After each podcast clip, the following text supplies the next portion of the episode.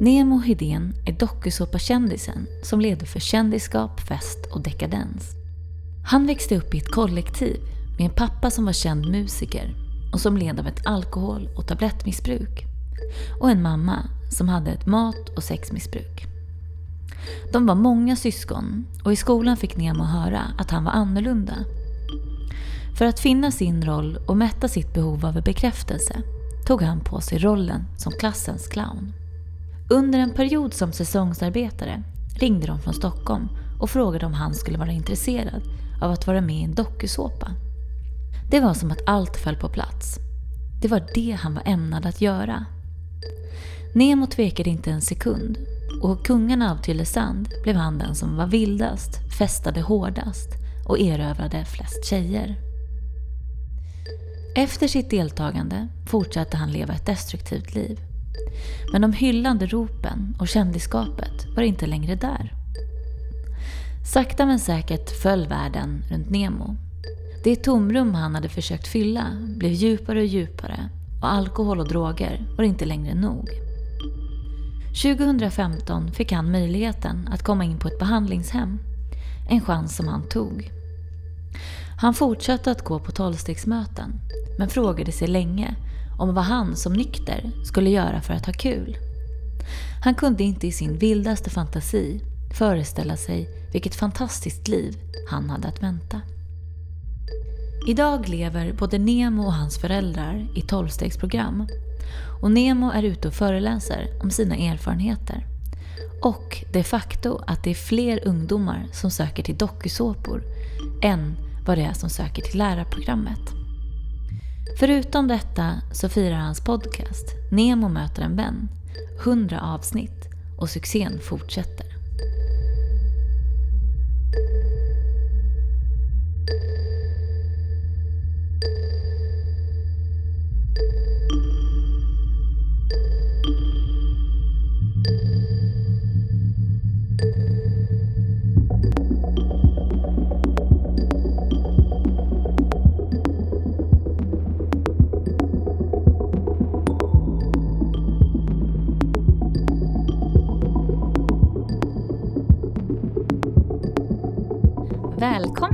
Nemo Hedén. Tack så mycket Ida. Jag har ju lyssnat på din podd och i vignetten så, eh, det är ganska, jag förstår ju att det är med glimten i ögat, men det börjar liksom, Nemo är en kändis, den största som vi har.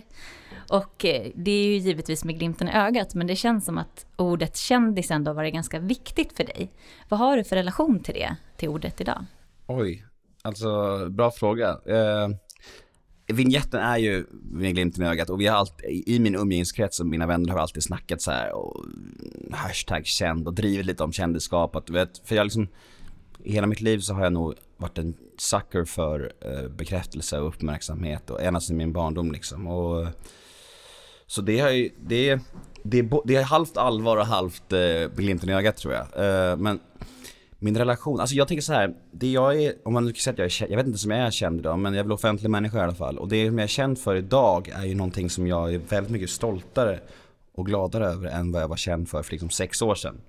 Då på den tiden när jag var med i dokusåpan till exempel, då var det liksom, då ville jag ju bara bli känd. Det spelade liksom ingen roll vad för vad. Jag hade den här enorma tomheten i mig och enorma behovet av att synas, höras och få vara med någonstans. Och jag vet inte, känna tillhörighet och, och liksom så att folk skulle bara tycka att jag var någonting liksom. För att jag, jag vet inte varför jag, jag har varit sådär. Jag, vi var en väldigt stor familj och vi var sex syskon och mina föräldrar var väldigt frånvarande. Så det kändes som att där någonstans så skapades den här att man var tvungen att höras och, och liksom så här, göra väsen för att, för att synas i vår familj. Liksom. För att få kärlek och för, för att få den här uppmärksamheten som vanliga barn alltid får. Så det formade mig väldigt hårt att jag har alltid velat höras och synas. För att för mig har det varit samma som att liksom duga till. Men alltså den, den kändisskapen som jag har idag i och med podden som jag, min podd som jag lyckas inspirera många människor. Jag får ofta mail, nästan dagligen mail från folk som säger att de har inspirerats att ta tag i sina missbruk tack vare min podcast och sådär. Sådana grejer och min föreläsning som jag håller på att skriva på. De grejerna är liksom en procent av dem är liksom mer värt än 100% av kändisskapet för sex år sedan. För då var det liksom bara kalkon, kalanka. Nu är det ändå liksom allvar och en bra grej som jag känner att jag har skapat själv och kan stå för. Så jag skulle ljuga om jag sa att, att jag inte tycker om kändisskap. Jag tycker om, jag tycker om att höras synas, jag tycker om uppmärksamhet. Men jag har en sundare inställning till det idag än vad jag har haft, tror jag. Men kan du minnas här första gången när du på något sätt kom på att du skulle vilja bli känd? Alltså, jag har ju alltid fascinerats av, av kändisar och jag kommer ihåg så här hur jag eh, förr i tiden alltid så här, jag kunde bli helt till om man såg någon som kom så här 16 plats i Idol. Jag blev helt så här pirrig du vet så här. Och, så jag vet, inte, jag vet inte varför det har varit sådär. Jag vet inte, jag tycker det är någonting och jag tycker, jag tycker det är något kittlande med den här uppmärksamhetsgrejen att folk, åh, där är han. Jag vet inte. Även om det inte, och sen, sen så blir man fascinerad av just den här kändisskapsgrejen som är så jävla skev. För att det känns som att du kan vara känd för vad som helst i princip och ändå få någon slags cred för liksom, du, du kan vara känd liksom Liksom Breivik får liksom beundrarbrev. Alltså du vet, det spelar ingen roll vad du är känd för. Du, eh, var, du kan vara känd för vad som helst och ändå få liksom brudar eller upp, alltså beundrarbrev och det, det är rätt skevt. Så, så att kändisskap i sig är inget positivt men jag har ändå haft någon dragningskraft till det hela mitt liv och jag tror att det är flera olika faktorer som spelar in här men jag kan nog inte riktigt svara på vad det är och vad som fascinerar mig så mycket jag tycker bara om att stå i centrum liksom. Det, det, det. Men kände du att du fick, alltså jag tänker när du var liten då, kände du att du fick liksom bekräftelse om du gjorde vissa saker? Alltså det är svårt att säga. Vi, vi var som sagt en väldigt stor familj och pappa var alkoholist och narkoman och jag måste alltid tillägga att han har varit clean i åtta år nu och är en väldigt exemplarisk förälder idag. Men han var inte det under min barndom. Det var väldigt stökigt. Mamma var väldigt, väldigt ledsen och frånvarande och det var väldigt kaotiskt. Och så hemma hos oss så det var lite som en, det var som en ungdomsgård. Folk kom och gick som de ville, det fanns inga regler riktigt och man gjorde som man ville och och jag ville ju väldigt gärna att pappa skulle vara närvarande och, och kolla på mina fotbollsmatcher, bandymatcher, men han gjorde ju aldrig det och för mig blev det liksom, då blev det ännu viktigare att få bekräftelse från andra håll eftersom det var svårt att få från pappa och mamma. Så jag sökte mig åt andra håll och blev, helt automatiskt blev jag klassens clown liksom och bara för att jag liksom, jag var så besatt av att få folk att skratta åt saker jag gjorde så här och du vet jag kommer ihåg en incident på, jag tror det var på Vasamuseet, jag var där med min eh, klass och så såg vi en blind man som, som gick med käpp och jag bara Rent impulsivt så gick jag fram och dansade framför honom. Jag fattade att det var fel, men jag gjorde det ändå bara för att jag liksom så här, folk kommer skratta av det här. Nu gör vi det här. Och så gjorde jag det, och alla skrattade såklart. Men jag fick massa skäll från alla lärare och rektorer och skit liksom. Men det var liksom så här, jag kunde inte behärska mig. Det var viktigare för mig att folk skulle skratta åt, eller med mig, än att liksom än att inte göra narr av den här mannen liksom. Så, där, så det har varit mycket sånt där att jag liksom jag har väldigt, min impulsförmåga, eller jag är väldigt impulsiv och känslostyrd och många beslut i livet har tagits för att jag liksom vill få reaktion från folk fastän de har varit fel. Jag tror jag är bättre med det idag men det var väldigt svårt med det under barndomen. Men var det, jag tänker så här, äh, den stämningen hemma hos er, i och med att du, det är ju ofta så i familjer där, där det finns missbruk och så, att man tar olika roller sådär. Mm.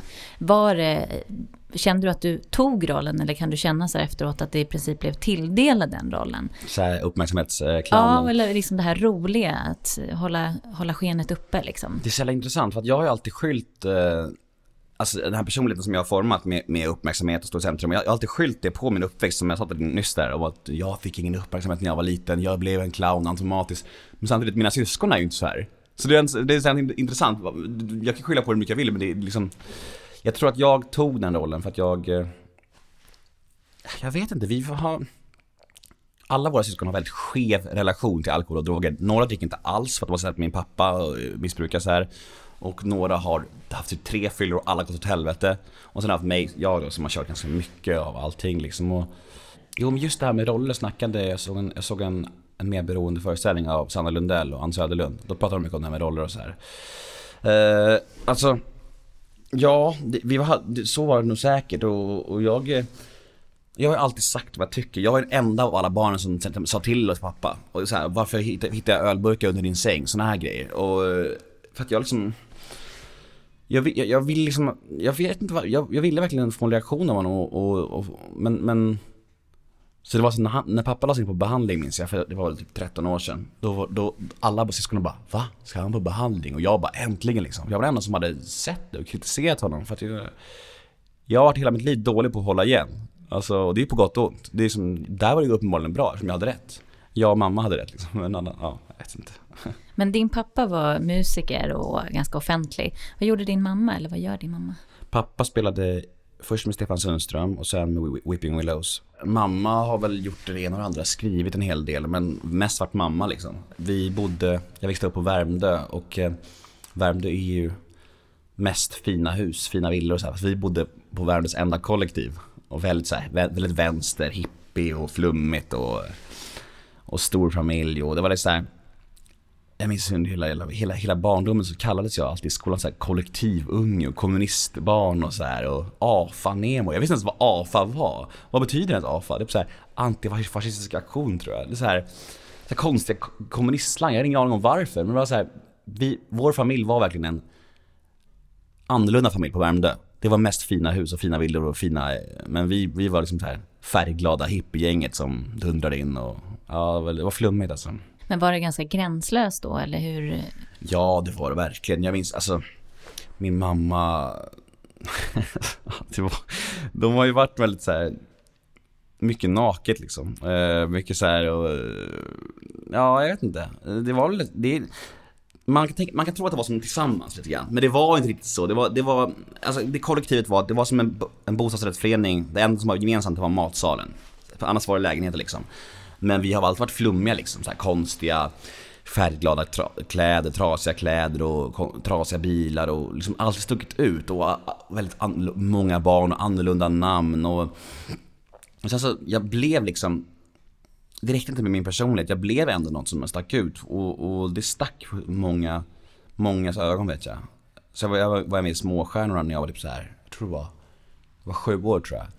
Då blev jag så här lokalkändis på Värmdö och alla bara "Åh, den här jävla, han vill bara synas, den här jävla färgglada hippieungen och de ska bara, typ så här. Ja men det var väldigt konstigt bara, jag vet inte. Vad var din reaktion när du fick höra det här? Kände du att det var fel på dig eller? Ja, jag fattar ju inte riktigt. Det var det som är, jag, jag tänkte såhär, när de skriker såhär kommunistunge till mig, kollektivbarn. Jag bara, vadå? Vad, vad, vad spelar det roll var vi bor någonstans? Vad, vad har jag gjort? Jag har inte gjort något. Det är ju mina föräldrar som bestämmer vart vi skulle bo för det första. Och, och vad är det för fel på, alla får bo hur de vill liksom. Så här, varför, ska jag, varför ska de vara arga på mig för att jag är annorlunda? Vad, jag, frå, jag frågar ofta mamma så här, varför, varför blir de liksom, varför säger de så? Och så, jag tror hon förklarade att det är för att vi inte riktigt är som alla andra, typ. Och, um, då känner jag skam i det. Idag ser jag ett värde i det. Jag tycker, jag jag tycker det är häftigt när folk går sin egen väg. Och, men när man är ett barn, då är det så himla känsligt det där. Då vill man ju så jävla gärna bara liksom eh, vara en i gänget helst. Alltså jag, visst, visst, jag har alltid gillat att sticka ut, men ändå liksom i den åldern, då vill man liksom inte vara en outcast. Det blir liksom lite så här. Man vill ändå vara accepterad av alla. Och eh, att vara, eh, jag kommer ihåg det så här, så här, när det var så här fotbollslista, så här, laglistan, då, var någon, då skrev de så här Nemo Hedén kollektivet som adress. Man bara, varför, det heter inte ens det, det finns ingen adress. Det är så här, man bara, varför skriver ni så för? Liksom så här, och, jag vet inte, det... Jag känner mig väldigt, väldigt utanför och, och annorlunda och konstig och, och inte accepterad under hela min barndom tror jag. Det var no, liksom först gymnasiet som jag verkligen kunde blomma ut tror jag som människa liksom. Så.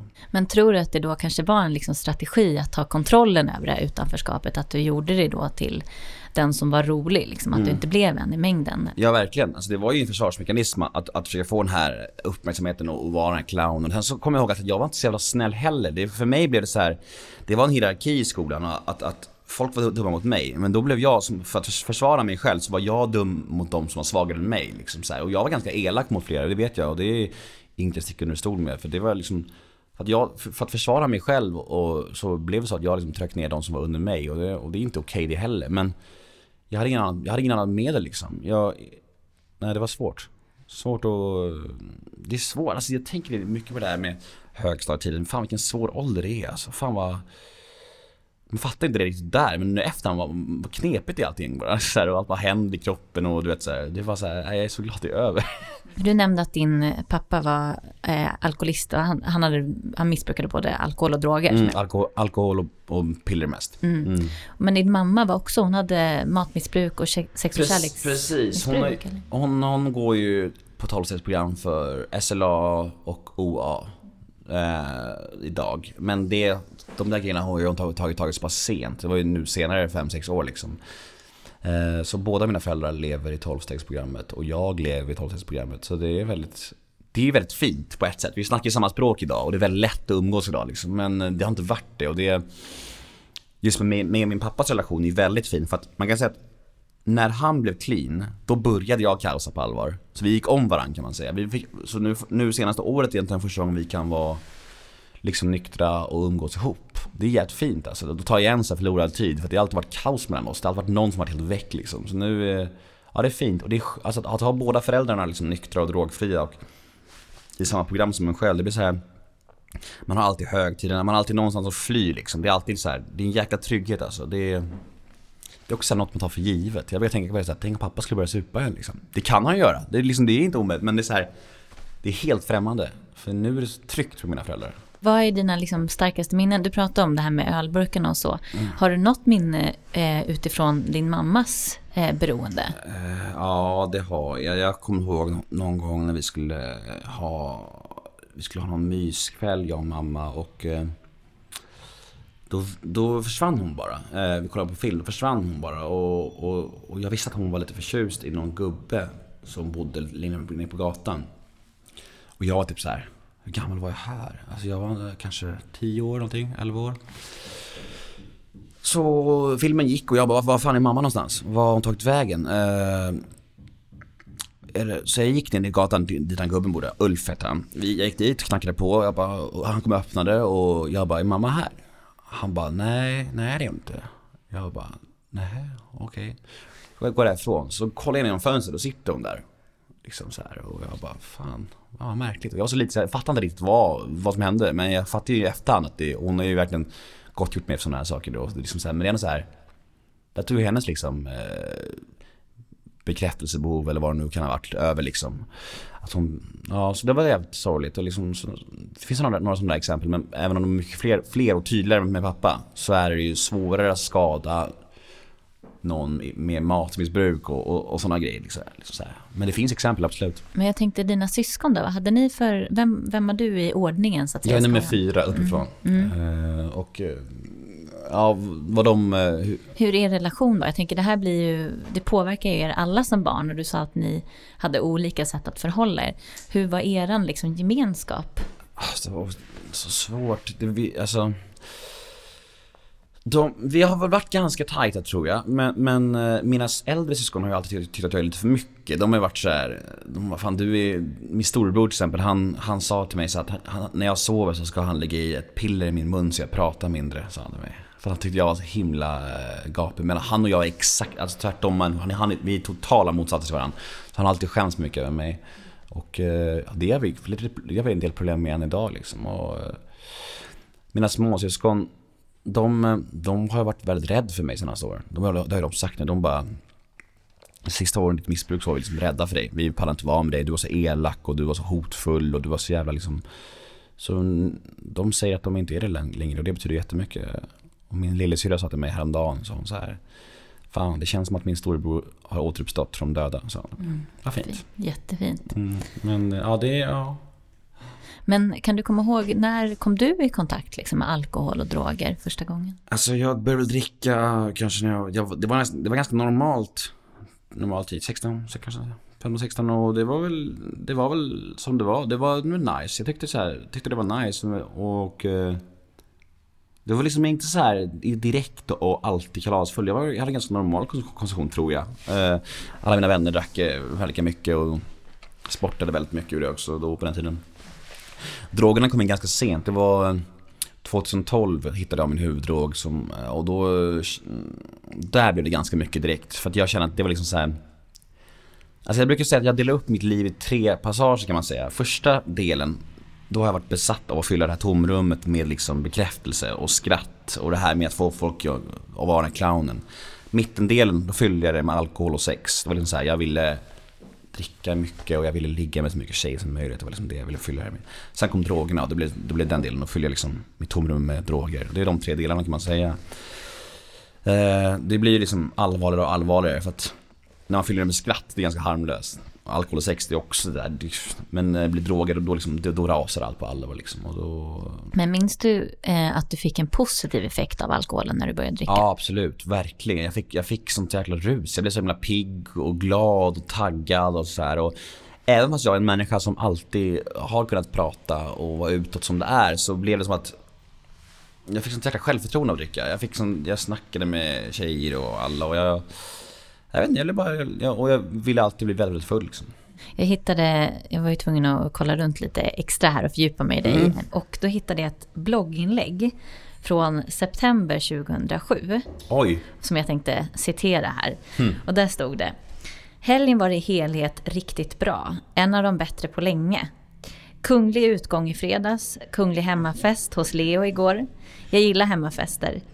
Eh, gillar att 10-15 pers super sig dödsfulla på en platta kung och fyra liter sprit. Och sen runt gryningen däckar i en orgie av spyor, medvetslöshet sex, eh, och sex i en stor hög. Jag gillar det. Hur känner du när du hör det? Oj, oj. Ja, vad är det? Nio år sedan alltså? Ja, shit. Ja, men jag tror att det där är sagt med glimten i ögat. Jag, jag hoppas det. Jag, jag minns det inte riktigt så, men det är klart att det har varit, varit väldigt mycket supa och sex och jävligt dekadent och, och grisigt har det varit, så, så absolut. Men det där är nog lite överdrivet. Men vem var du då, då 2007? 2007 då var jag 20 år. Eh, 2007 så stack jag på min första utomlandsresa med eh, mina bästa vänner till Sunny Beach i Bulgarien. Det skulle bli en, en milstolpe för mig för att jag åkte, åkte, åkte, åkte dit på semester 2007 i augusti och sen så tre hela somrar efter jobbade jag där. Hela sommaren liksom. Och sen eh, 2010 då så hamnade jag i Tylösand. Så det blev att man Ja, jag vet inte, 2007 så började jag stöka kan man säga. Det var liksom då jag... För att när jag var i Sunny Beach, det var, då, det var då jag lärde mig att prata med tjejer. För i, utomlands där, när man har så här, när man jobbar utomlands. Det blir som att, har du en här staff-tröja på dig, då blir det som att du är kändis typ. Tjejerna bara såhär, åh jobbar du här? Åh visa mig runt. Så här. Och det blev som att man liksom fick så här omanade krafter. Så det blev som att, jag brukar säga att jobba utomlands var för mig som en raggningsskola, att lära sig snacka med tjejer liksom. Och, ja, 2007 började jag supa och, och ligga på allvar kan man säga. Men sen tog det till 2010 innan du var med i den här dokusåpan då, Kungen av Tylösand. Mm. Jag var ju i Bulgarien när Kalle Schulman ringde mig. Mm. Jag var ju där nere och jobbade när han ringde mig och han, och han sa ju så här, hej, eh, jag heter Kalle Schulman och jag bara, va? Den Kalle Schulman? Så han, han bara, ah. För jag visste vilka de var, Kalle och Alex. Jag var ju, tyckte om väldigt mycket, jag tyckte de var väldigt roliga. Och då sa han så här, men jag, jag ska göra en dokusåpa, jag ska göra en svensk version av, av Jersey Shore. Uh, vill du vara med där? Jag bara, ja, liksom, det, det, här är det jag väntat på, det här är mitt kall. Jag bara, äntligen ska jag få all den här bekräftelsen som jag har sökt hela mitt liv. Nu, nu ska det bli ordning här inne i, mig liksom så här. Och, så jag åkte hem direkt till slutaudition eh, och jag sa jag sa till honom såhär, om jag ska åka hem från Bulgarien så måste jag garanti på att få vara med. Och han bara, ja men du som klipper och skuren för det här, du får vara med liksom. Så åkte jag hem direkt, direkt till inspelningen från så jag, så jag kommer egentligen till Tylösand med två månader säsongande i Bulgarien liksom i ryggen. Det är så jävla, det är så jävla alkat redan där. Det är helt sjukt om man tänker på det i efterhand. Men, och sen efter inspelningen i Tylösand, alla bara ja, Vart vill ni åka någonstans? Eh, eh, så här, vill ni åka hem? Så här, jag bara, nej. Till Sunny Beach. Så från Tylösand tillbaka till Sunny Beach och, och körde vidare.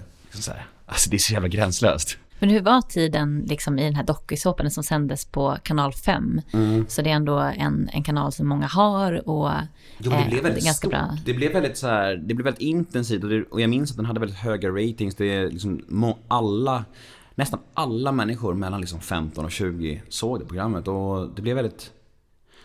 Jag hade ju inställningen att jag skulle, jag skulle vara med och liksom göra min grej och köra så hårt hårda kunder bara. För att jag ville liksom, jag ville verkligen bli känd, jag ville göra mitt namn och jag, och jag var ju sån människa då. Att det var exakt, det var ju såhär, folk kan säga såhär, ja men spelar du teater? Så jag bara, nej det var ju exakt som jag var. Jag var ju en, alltså en chartkille som söp och låg och var väldigt galen liksom då. Och det, jag tror det visade sig i TV också. Jag vet inte, det blev, det blev väldigt extremt och det stort och sådär kul liksom. Det var ju kul och ha, så har man en tydlig plan eller liksom så här och med sitt kändisskap eller något, något att falla tillbaka på och så här, då är det säkert jättekul, då är det kul att vara kändis men, men man bör ju också veta liksom vad man ger sig in på. Man bör ju också ha inställd på att det kommer en, en verklighet sen, det kommer en tomhet sen efterhand och det du, du ska ha en plan med vad du vill med ditt kändisskap, du ska ha en plan, något, något att falla tillbaka på och du ska helst inte vara en människa med stort tomrum i dig. För då blir det jävligt riskfyllt att bli kändis snabbt. För, som, det, det blir, för många blir det liksom kaos, för mig blir det kaos. Liksom. Och för flera andra, det finns ju fan folk som tar livet av sig efter när det här tomrummet kom liksom. det, det finns ganska extrema exempel. Men hur, vad gjorde det här med dig då? Jag tänker att det måste ju ändå blivit så att du blev offentlig på ganska pang bom. Mm. Hur kände du med det? Vem, vem förändrades du av det och hur mådde du liksom? Alltså jag tror inte jag förändrades så mycket. Jag blev väl lite uppblåst tror jag. Men, det, men, men eh, jag tror inte jag förändrades så mycket. Jag försökte vara eh, så här skön och snäll mot alla. Men eh, problemet var ju att jag hade ju gjort bort mig innan. Jag hade ju, alltså så här, i mars 2010 så låg jag med den här 14-åriga tjejen. Som du säkert kommer komma in på oavsett eller antar jag. Nej, nej men det kan vi inte prata om, det spelar ingen roll, jag har inga hemligheter längre. Och så jag visste ju någonstans att jag, eh, om jag blir känd nu, så visste jag att jag hade ett, ett åtal i ryggen. Att det skulle komma en rättegång fram, framöver. Och vilken logisk människa som helst tänker ju så att fan, om, det är inte så bra det här att bli känd. Om du har en, en dom som kommer falla i höst liksom så här. Men jag bara, äh, det är viktigare att bli känd. Det är liksom där, du vet, snabba lösningar, positiva kickar nu, det ska hända nu. Jag skiter i sen liksom. Bara kortsiktigt tänkande, ingen långsiktigt. Så jag klev på det ändå, och sagt och gjort. Det blev ju så också. Det blev ju rättegång och jag blev dömd för det här eh, brottet och, och, och då blev det liksom, alltså om tomrummet för vanliga dokusåpadeltagare är stort. Som, som det är, det blir ju så. Det blir, alltså när, när 15 minuterna är slut så är det jobbigt. Så blir det nog mitt gånger 20 liksom. Eftersom att jag gick från, alltså populär bland kidsen och få allt jag ville lite överallt så här, till att bli liksom så här. Han vill ingen röra med tång. Han är, han är en sexbrottsling liksom. Uh, och jag vet inte, för de, för de som inte är så insatta. Jag låg med en tjej som var 14 år på en fest och uh, på fyllan och uh, ja, det var, det blev, jag blev dömd för det liksom. Och, ehm, det var extremt tungt när den domen kom. Jag minns att eh, det viktigaste för mig, det var att hon den här tjejen hade sagt, hon sa i rättegången som det var. Hon sa att det var en vanlig fest, eh, vi var fulla, jag söp ner Nemo, jag kröp ner i sängen bredvid honom och vi låg och jag vill in, hon ville inte anmäla, det var hennes pappa som ville anmäla. Det var det viktigaste för mig, för jag hade ju inte gjort, alltså Rent moraliskt gentemot Gud så gjorde jag inget fel, jag skadade ingen så här. Det var klumpigt, absolut. Och det, och det blev jävla konsekvenser av det. Och det viktigaste för mig var att hon faktiskt, hon, det, det är lugnt mellan oss. Men det blev enorma konsekvenser. Jag minns att jag hade massa grejer på G efter Kungarna till Lausanne. Jag hade en massa reklamjobb, via satt, Carlings, jag skulle göra liksom så här inhopp i en massa program. Allt drogs tillbaka. Alltså ingen ville röra mig med tång liksom. Och alla kvällstidningarna hängde ut med helt grovt överallt. Och jag tror det var löpsedlar till och med. Så här, Nemo Hedén åtalad för våldtäkt av barn, stod det på folk skrek efter mig på gatan och eh, ja, det var helt bisarrt alltså. Ehm, så jag eh, gick i en depression då. Jag gick på antidepressiva i drygt sex månader och låg under täcke i princip. Du var mig. inte ute och festade då? Nej, tiden, nej, utan du gömde nej, nej, jag gömde mig bara. Jag ville inte vara, jag var så jävla rädd för människor alltså. Jag, jag, eh, jag var liksom så här jag visste aldrig om den, den människan jag mötte kollade på mig för att jag var känd från TV eller om den tyckte att jag var en pedofil eller om den, alltså, det var liksom så här, var jag än gick så bara, jag blev så jävla, jag var så jävla paranoid. Jag bara fan, liksom, det var sjukt svårt och, och, och det där har följt mig liksom, just den här biten att jag vet inte riktigt, nu idag är det inte så länge, men flera år så visste inte jag om folk kollar på mig för att de känner mig från Tylösand eller om de tänkte, ja där är sexbrottslingen. Och just den här paranoian blir ju inte bättre av att man börjar knarka också. Då blir det ju ännu värre den här paranoian. Varför kollar de på mig för? Liksom, du vet, så här, och... Men kände du att din självbild liksom föll? För du hade ju varit den här roliga, härliga killen som alla tyckte om till att liksom shameas ut sådär. Ja men det blev också lite så, det blev så här, jag passar mig för att låta som att jag självömkar nu, för det gör jag verkligen inte. Men jag visste ju vad som hände med den här tjejen och, hon, och vi, det var väldigt tydligt. I rätt, om man skulle läsa liksom så här förhören och vara på rättegången så är det väldigt tydligt att det bara var en jävla blunder liksom och att uh, hon var den som var förande till sexet och att hon inte ville anmäla liksom. Och allt det här är väldigt tydligt men det, det folk ser det folk ser på löpsedeln, det är något helt annat. Och jag, jag, jag förväntar mig inte, jag kan inte kräva på människor att de ska läsa hela protokollen liksom. Det kan inte jag förvänta mig. Men människor som bara ser en en, liksom, en löpsedel, just där som vi sa, Nemo DN åtalad för sexbrott eller Då är det klart folk tänker så här, shit vad är det för jävla, vad händer liksom? Och det, och det fattar jag, men det är otroligt sorgligt för det blir väldigt snabbt, man, får, man är väldigt stämplad och dömd liksom, för, för all framtid hos många människor. Det är många människor än idag liksom. Jag har en kompis, en tjejkompis vars föräldrar bara tänker på mig som värsta sexbrottslingen liksom. Och de vill, inte, ens, de vill inte att de ska umgås med mig. På riktigt liksom. Det, och det är så här liksom, vad fan Det är helt sjukt. Men jag, samtidigt så förstår jag dem på ett sätt, men för mig är det också så här. Det, jag har inte skadat någon människa. Och jag har sonat dessutom för det. Jag fick mitt straff och jag liksom Vad fick du för straff? Eh, Jag eh, fick villkorlig dom och så fick jag, fick jag gå till relationsprogram på frivården som heter ROS. Vilket också var helt surreali- surrealistiskt. Det var liksom jag och fem stycken gubbar som verkligen hade gjort sexbrott, riktiga sexbrott om man säger så. Så här, alltså det är, alltså bara prata om det här så var jag typ så här kvällningar. Det är så här, då visar de så här, kunde de visa en bild på så här barn, bara, går ni igång på det här? Typ så här. Och jag bara, Alltså var, vart sitter jag någonstans nu? Vad händer liksom? Det här, är, det här var inte planen med mitt liv liksom. Men det är så här. eh, Jag var där en, en dag i veckan i ett år och gjorde det här programmet och ja. Men vad, vad tänkte du på framtiden då? Liksom? Det här var ju totalt... Alltså jag vet inte. Åh vad skönt jag kan skratta åt det här nu för det är så här.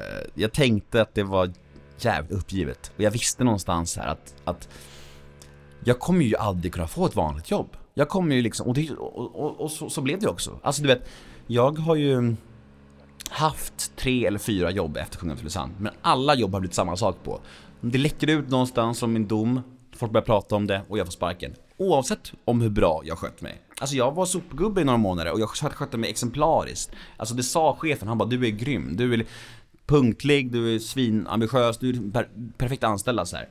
Men så var det någon gubbe där som bara åh men det var det är ju han och så började snacka, började snacka och så lät de mig gå. Så där var det liksom, vart jag än kom och det var så här, vad fan Vad är det för bild, vad är, hur fan funkar det egentligen? Vad ska man behöva, alltså Arbetsmarknaden är ju tyvärr så jävla knepig som den är att de behöver ju inte ha kvar någon som har en dom. De kan ju liksom vara som de är. Så, och det är himla sorgligt för att det finns ju många där ute som verkligen har en ny chans och som behöver en ny chans. Och det är oftast de som är de duktigaste på jobb för att de vill verkligen bevisa att de kan sköta sig liksom. Och så var jag. Jag ville verkligen göra bra ifrån mig.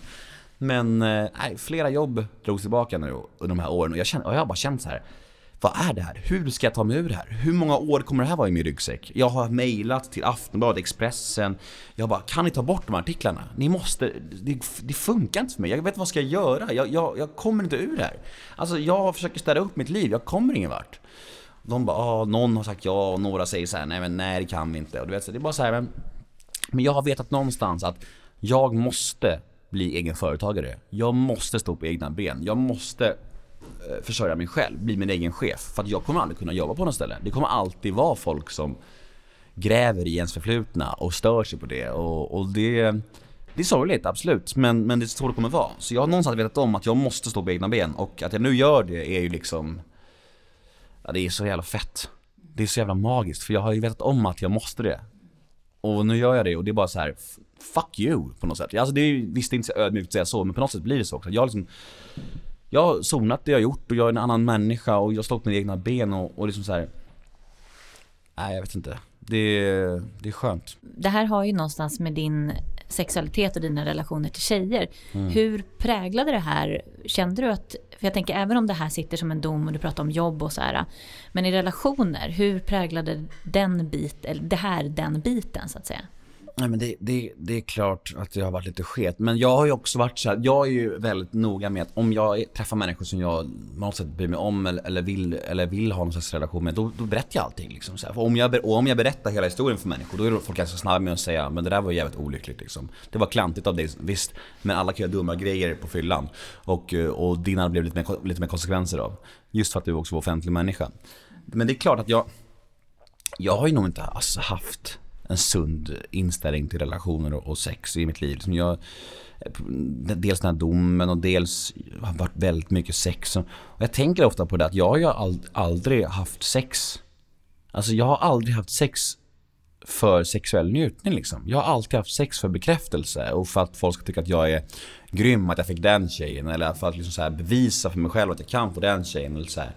Hela mitt liv och det är ju så jäkla sorgligt liksom. Det är först nu, nu har jag börjat träffa en tjej på senare, också en gemenskapstjej. Och det är liksom först nu som jag har sex för njutningen. Och det är liksom så här, jag tänker så här. Wow, ja nu, vi pratar liksom öppet om vad tycker du om, vad tycker jag om, vad, vad som, Hon frågade mig häromdagen, hon bara, vad tycker du om sexuellt? Jag bara, jag har ingen aning. Jag har ingen aning, och hur sjukt är det liksom? Alltså det är så här, också vackert och, och sorgligt på något sätt. Så här, jag liksom, är 28 år och har haft så mycket sex, men jag har ingen aning om vad jag gillar. Hon bara, nej men då provar vi oss fram liksom. Det är ju jättefint, men det är också så här, fan. Jag har gått runt och varit den här hela sexmaskinen utan att ha en koll på vad jag gillar. Så jävla, riktigt dysfunktionellt alltså. Mm. Men 2013 så träffade du, eller du blev tillsammans med din vän mm. Linn. Mm. Hur var er relation?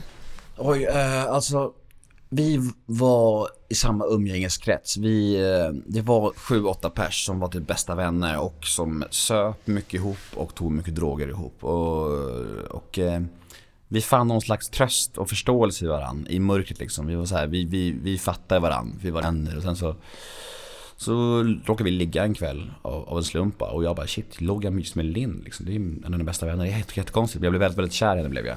Uh, direkt. Hon blev inte lika kär direkt. Men uh, jag lyckades på något vis trockla in mig i relationen då. Och så blev vi ihop liksom. Och uh, ja, det var... Alltså det är, så, det är så himla... Jag trodde ju någonstans att vi var själsfränder.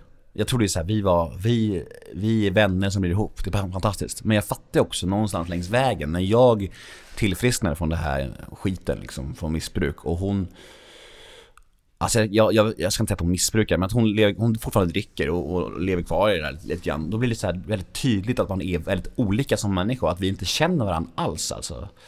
Det blir väldigt, och det blir väldigt sorgligt och väldigt starkt för att det, vi växte ifrån varandra helt klart när jag blev nykter. Många sa det till mig innan så här, det, det, finns en risk att det blir så. Det är ganska vanligt i relationer att när en gör programmet och en inte gör det, så växer man ifrån varandra. Jag bara, nej, det kommer inte hända för oss. Men exakt så blev det. Att det blev väldigt så här man värderar olika saker, man vill olika grejer och, och man tappar sina roller helt också. Det har varit väldigt så här, ja, vi var som parterapeut och han sa så här, alltså känner ni varandra överhuvudtaget? Alltså, ni är så himla olika. Alltså, det känns som att ni bara hade destruktiv bekvämlighet och tröst och trygghet i det och bara satsade därifrån. Men har ni någonsin liksom pratat om saker? Och så här, ja, både, vi, både, både jag och Linn bara, nej, det kanske vi inte har. Och då var det väldigt så här, vi gick därifrån, vi bara, shit, han kanske har rätt, känner vi varandra? Så här. Och då var vi ändå ihop i 26 månader liksom. Men när började du förstå att din relation till alkohol och droger och sex då, inte var helt sund? Alltså det är också så här, allt blir ju vad allt blir normaliserat om man umgås med sådana människor. Jag har ju alltid varit med människor som är på min nivå. Alltså det är så här, jag, jag har sångat många säsonger i Sunny Beach, Rhodos, Magaluf, Phuket. Alla var super dygnet runt och knullar. Och då blir det så att det blev väldigt normaliserat. Jag, jag, tyckte inte att det var så jävla extremt det jag höll på med. För alla andra jag kände var likadana. Men nu när jag lever i nykterheten och nu när jag har gått på en kurs hos My Skarsgård häromdagen, var jag på kurs hos, jättefin kurs. Pratade vi mycket om så här. Hon pratade om att jag tror att de sa att 10% dricker 50% av all alkohol i hela Sverige. Och jag bara va? Det jag har trott att alla liksom dricker nästan hela tiden och att alla som går upp på krogen blir fulla. Nu när jag är på krogen självnykter, alltså folk blir inte så fulla. Alltså det är, det är, folk blir inte grisfulla. Men jag trodde att, när jag trodde att alla blev det jämt. Och när jag var i Tanto häromdagen, alltså du vet. Jag satt i Tanto och vi var där och badade jag och några så här, Mitt på en solig dag. Och kanske var 500 pers i Tanto. Jag såg ingen som drack alkohol. Och jag bara, alltså det här är helt sjukt. Alltså du vet, jag tror att alla som satt i parker, parkhäng var supa. Det var min, det var, jag var helt säker på det, för som jag gjorde det. Alltså det var det bästa jag visste, sitta tant och bli dyngrak. Men när jag var där nu häromveckan, liksom, det var, jag såg inte en enda människa som drack någonting alls. Det var, jag såg ingen alkohol, jag bara shit vad konstigt alltså. Men det är det som är normalt, det är jag som har varit annorlunda liksom. Men det har inte jag fattat förrän nu. Liksom. Och det är det är speciellt alltså, helt klart. Men jag tänkte på det här, för du pratade om att det blev som att när din pappa blev nykter så var det som att det kraschade med dig. Mm. Hur, jag tänker att en person förändras ju en del från att du har haft en relation till den här missbrukande pappan mm. till att han blev eller, nykter. Mm. Hur, vad, vad, kände du i, i den relationen liksom?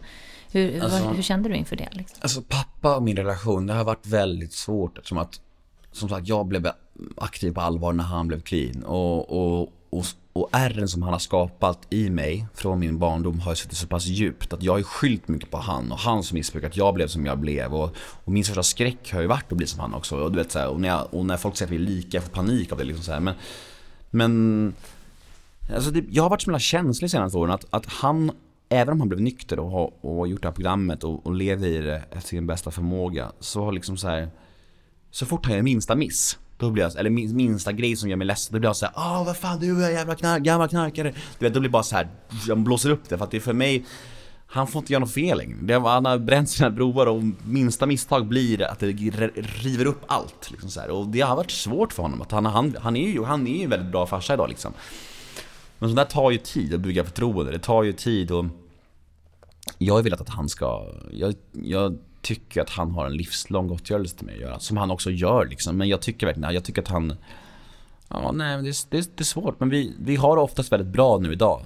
Eh, för att jag, för att vi båda lever i programmet. Men det var väldigt svårt när jag hamnade i det här missbrukande själv och började själv ömka och bara Du är dum, sämsta pappan, eh, du vet så här. Och han bara, fan ska jag förhålla mig till det här liksom? Du vet, skitsvårt för honom också när han blev clean och och jag bara, du ska gottgöra mig. Och han bara, man kan inte gottgöra någon som är sjuk. Du vet, så här. Det är så här, väldigt så här geggigt liksom. Och din mamma har varit också nykter.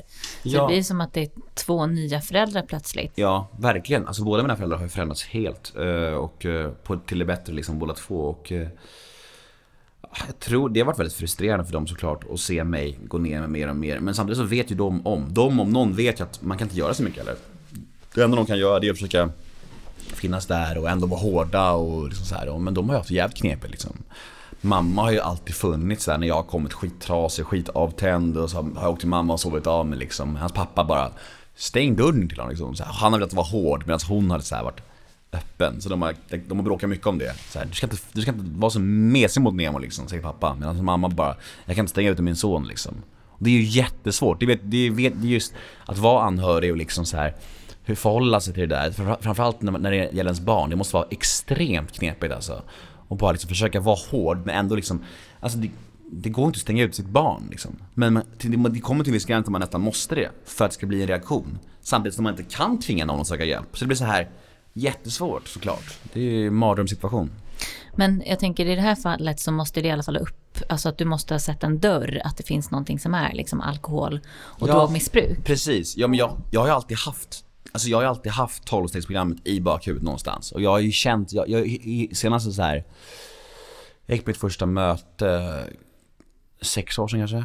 Och eh, jag har ju redan känt sen då att vi väldigt, jag har känt mig väldigt mycket likhet i de här rummen och att jag har känt igen mycket. Så här, jag har ju känt så här, när jag är klar med skiten så, så finns det en lösning här. Någonstans har jag ju någonstans känt. Men jag har liksom inte känt mig klar och jag har ju liksom inte, jag har ju, ju mer och mer längre ner jag gått med alkohol och droger så har jag känt mig mer kraftlös till att göra den här förändringen. Jag har ju känt mig mer så uppgiven och mer som att livet verkligen kommer vara över. När jag slutar med alkohol och droger då är livet över. Det finns ingen mer mening alls liksom. Det är bara en jävla mörker. Och, att, och just den här ansträngningen att, att, att shapea upp sig för att få ett liv som ändå är tråkigt. Vad fan är det för? Då kan jag lika gärna dö liksom. Så kände jag. Men så dök den här behandlingen upp då förra året som jag åkte på. Det var liksom, det var ju som det står ett kapitel om det i stora boken, det här med att få ett fönster liksom. Och det var mitt fönster verkligen. Det var, det var verkligen eh, en skänk från ovan, för att det räddade ju mig liksom. Men blev du tillfrågad den, eller hade du själv liksom gått ut och på något sätt sagt att du vill nyktra till, eller var det en person som erbjöd dig det i, i ditt missbruk så att säga? Nej men jag var på en del möten förra sommaren vet jag, jag var väldigt trasig då. Alltså. Det var och jag gick på en del möten och så var det en dam som kom fram till mig och sa så här Hörru, jag har hört på dina delningar och utifrån dem så verkar det som att du skulle behöva komma iväg en sväng. Jag bara, vad fan snackar du om? Så här? Hon bara, ja men nej det är så här. Det finns ett nystartat behandlingshem utanför Norrköping som, som, som söker några till en prövokull. Det är egentligen en svindyr, svinexklusiv behandling men du kommer få det helt gratis för att du är så här, prövkanin kommer du vara. Och ni är borta i 27 dagar och det är skräddarsytt och så här och individuellt och allt ingår och så här. Och, och först, och först blev jag så här, nästan lite kränkt. Jag bara behandling? Jag? Du vet? Nej men det var som, jag, vad fan ska jag på behandling? Fan, jag skjuter inte heroin i armen liksom. Men, eh, men så tänkte jag på det lite mer och jag snackade med folk i min omgivning, jag snackade med mina föräldrar och alla bara Åk! För fan, åk! Du har inget att förlora. Du har inget att förlora. Alltså vad har du här hemma just nu som du skulle stanna för? Jag tänkte på det, jag hade ju ingenting. Jag, hade, jag levde på min flickvän, eh, jag hade inget jobb, skulder upp till öronen. Jag mådde skit varje dag. drack varje dag. Knarkade väldigt mycket också liksom. Och jag bara, ja fan. Varför inte liksom. Jag har allt att vinna på att prova här nu liksom. Det, det får vara nog nu liksom. Så åkte jag iväg dit. Och... Eh, Ja, jag fattade ganska snabbt att jag var på rätt ställe. Om jag var, om jag var 99% säker på att jag var en missbrukare när jag åkte dit så blev jag 100% när jag var där och fick det här sjukdomsbegreppet uppritat för mig och fick det här liksom, så här, det är en sjukdom och det här, känner du igen dig i det här? Och jag bara, ja, jag allting liksom. Så det var väldigt så här, det var, även om, det var lika mycket en sorg som en lättnad när, när, jag, när, när sista procenten ramlade över. För att det är ju en sorg såklart, att ja, jag är rökt liksom. Det, det, det, jag är hemma. Jag, jag, jag har torskat. Jag, är liksom, jag måste be om hjälp. Jag kan, kan inte det själv och det är ju en sorg. Men det är också en lättnad i att liksom så här, ja, jag är rökt men det finns en lösning och jag kan ge den här en ärlig chans och det, och det kan bli bra. Någonstans, det finns liksom, jag kan, om jag provar det här, då kan, det finns exempel på människor som har faktiskt tagit sig ur värre situationer än jag och mår bra liksom. Så vi, nu provar vi det här, nu ger vi det här en ärlig chans liksom och det gjorde jag. Och du har ju ett moment i din podcast Nemo möter en vän där du brukar liksom dra en koppling mm. till den personen som du, den gästen som du har. Och det var ju faktiskt så att du och jag träffades på det här behandlingshemmet yes. eh, sista dagen om jag inte minns fel. Där jag och några till var och pratade i egenskap av anhörig. Och jag minns ju dig som väldigt sårbar, skör och ödmjuk men du kändes också ganska rädd inför liksom, nu hade du varit nykter den här tiden men hur ska det gå sen? Mm.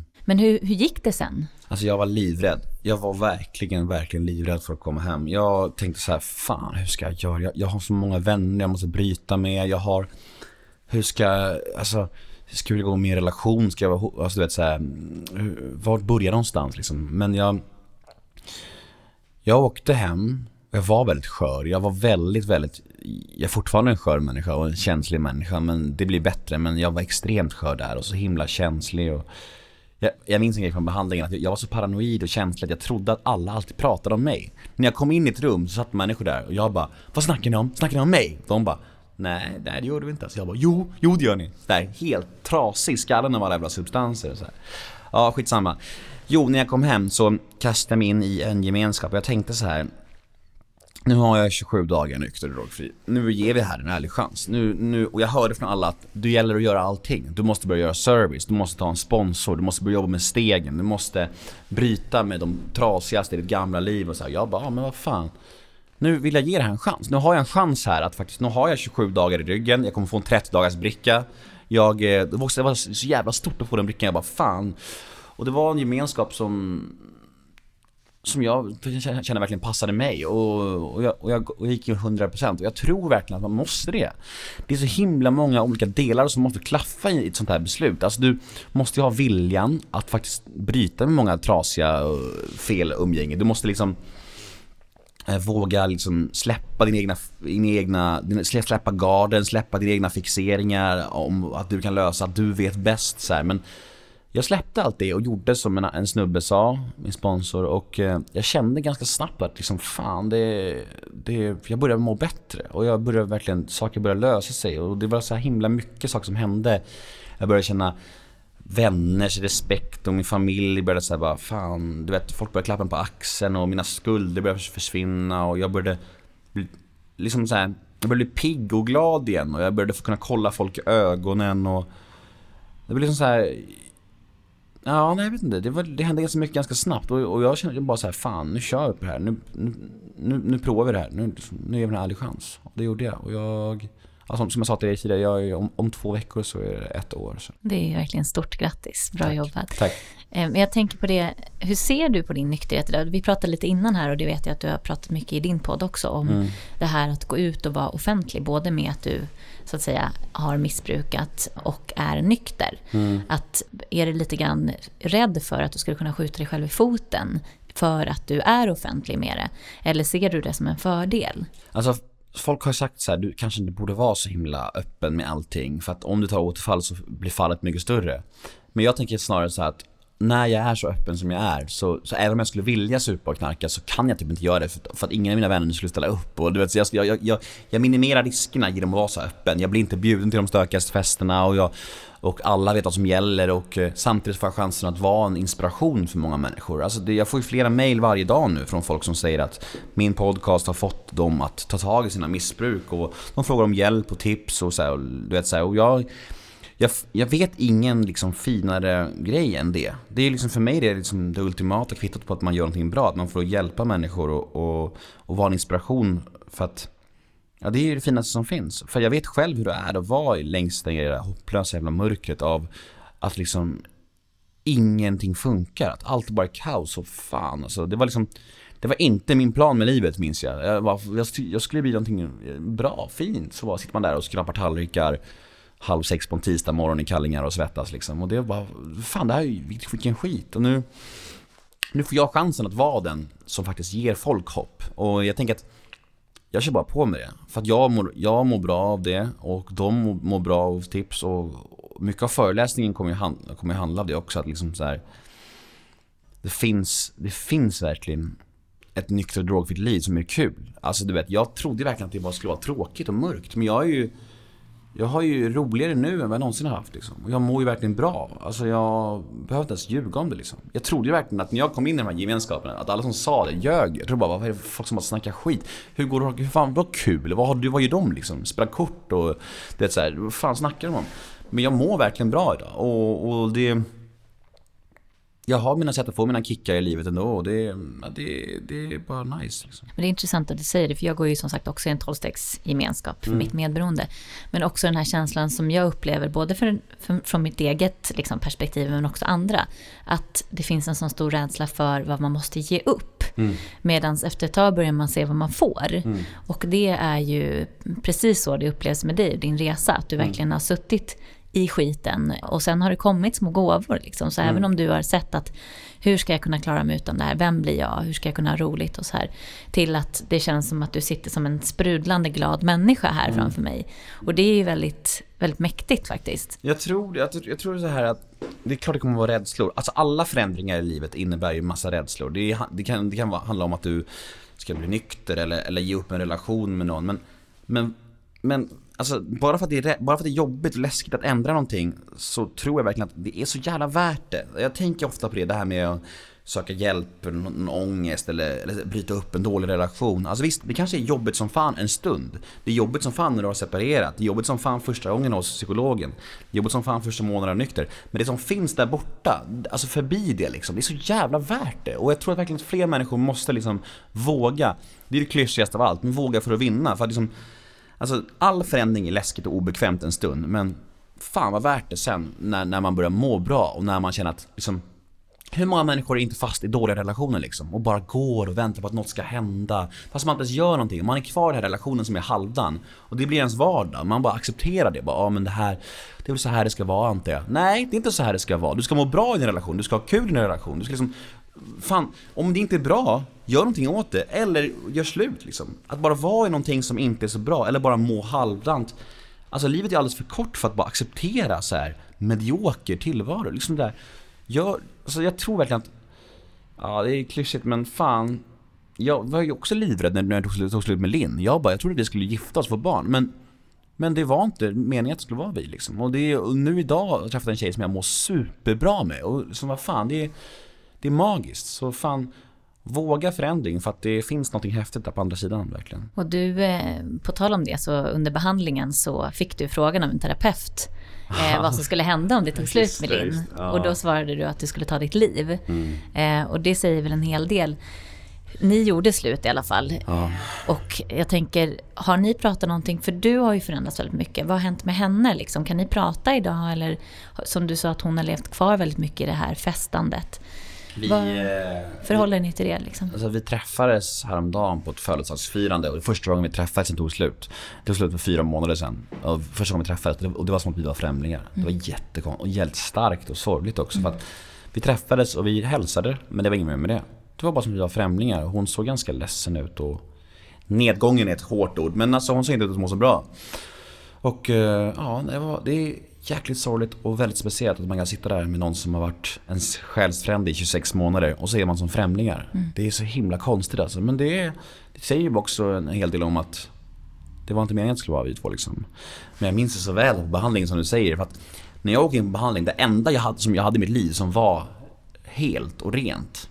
Trodde, alltså, ja, helt och rent inom situationstecken då. Men liksom det enda som var någonting att ha var ju att jag hade en tjej. Liksom. Och en fin tjej. Liksom, och så när han sa att min, min terapeut bara ja, ni kanske, du kanske är alldeles för beroende av henne. Hon verkar vara allt i ditt liv liksom så här, och ni kanske borde göra slut. Jag blev så jävla arg och kränkt vet jag. jag bara, vad fan vet du om det liksom så här. Han hade ju en poäng dock. Alltså jag var ju extremt beroende av henne. Hon gav mig mat på bordet liksom och du vet, så hon var extremt medberoende i mitt missbruk och du vet, det var bara så här han hade ju rätt liksom. Ni behövde varandra, det blir liksom en symbios där man verkligen, lever i. Verkligen. Om man tittar på din nykterhet nu då, Mm. eh, hur ser du på den? Liksom, vad har du för relation om du tänker framåt i tiden? Alltså jag var så himla, jag tänkte så här när jag blev nykter tänkte jag så här, fan jag kommer förlora alla mina, alla mina vänner, jag kommer bli utanför, jag kommer bli ledsen. Men jag har märkt att alla de riktiga vänner man har, de finns ju kvar ändå liksom. Det är verkligen så här, det, det, det, jag tänkte så här, jag kommer förlora alla men de enda jag har förlorat, det är de som jag söp och knarkade med.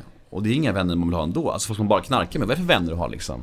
Så jag kommer bara köra på med det här, jag eh, Jag har ingen längtan, eller jag har ingen Jag dricker alkoholfri öl när det verkligen är någon så här sup, när, när det är någon fest, då dricker jag alkoholfri öl. Och det är liksom bara för, bara för, bara för att man känner sig mer som en i gänget än om man dricker läsk. Och det funkar för mig liksom. det är, Men jag har ingen längtan efter alkohol och droger. Och jag eh, jag tror faktiskt att det är för att jag eh, har valt att ge det allt. Jag har, mycket av mitt liv nu är vänner från gemenskapen och det är liksom så här, jag har gått 100% all in och då blir det, om man minimerar riskerna, så blir det väldigt lätt.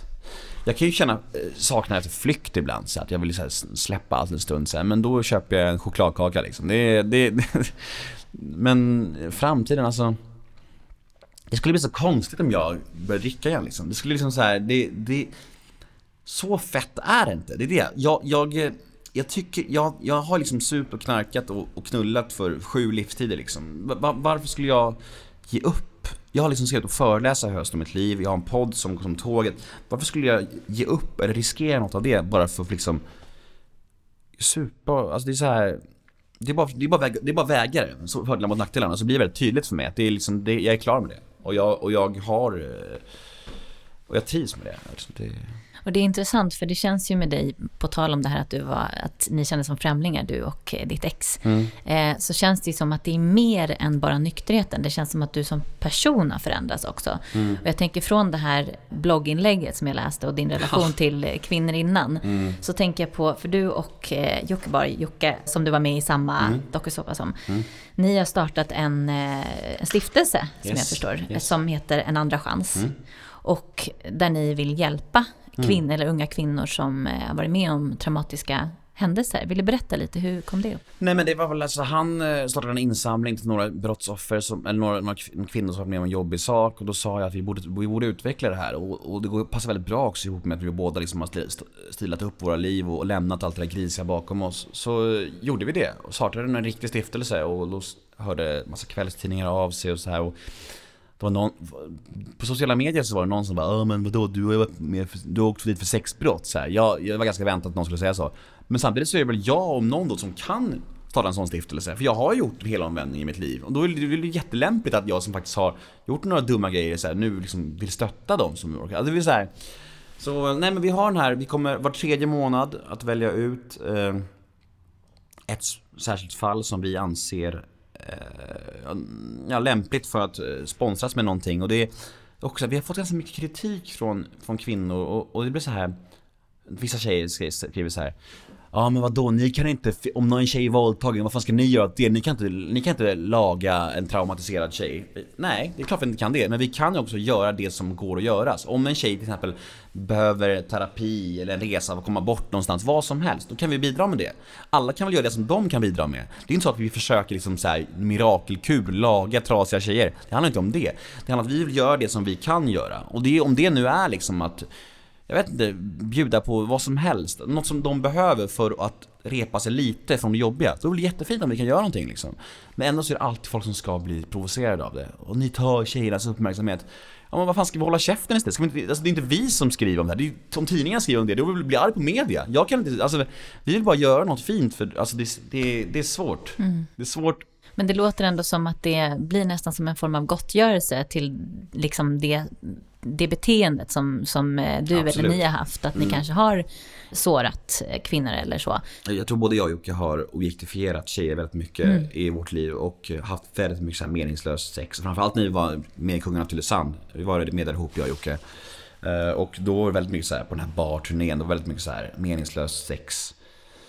Så att det är klart det är det. det och det, det är också, jag tycker att man gör, alla gör det de kan. Alla gör det de kan bidra med och, och ja, typ så. Mm. Och det är det ni, ni ändå, det här är ju verkligen ett, ett stort steg och det verkar som att ni har fått in en del pengar också. Ja, vi har väl typ 200 000 tror jag var på det kontot och vi ska väl bestämma, ja det är fantastiskt, vi ska bestämma något nu framöver nästa, nästa, nästa grej och vi har fått in så här, jag vet inte, typ 400 mail liksom från folk och det är också så svårt för det är liksom det är så jävla hemska historier, alltså det är vidriga historier så ska man liksom välja ut någon där bara de här, den här vill man hjälpa till. Man vill hjälpa alla såklart. Och samtidigt så vet man inte heller om Alltså nu kanske det här är cyniskt som jag säger men det kanske är någon som inte talar sanning heller. Du vet, det blir så mycket så här, svåra tankar i huvudet så här, men man får helt enkelt tro att allt är sanning och bara välja den som man blir berörd av mest.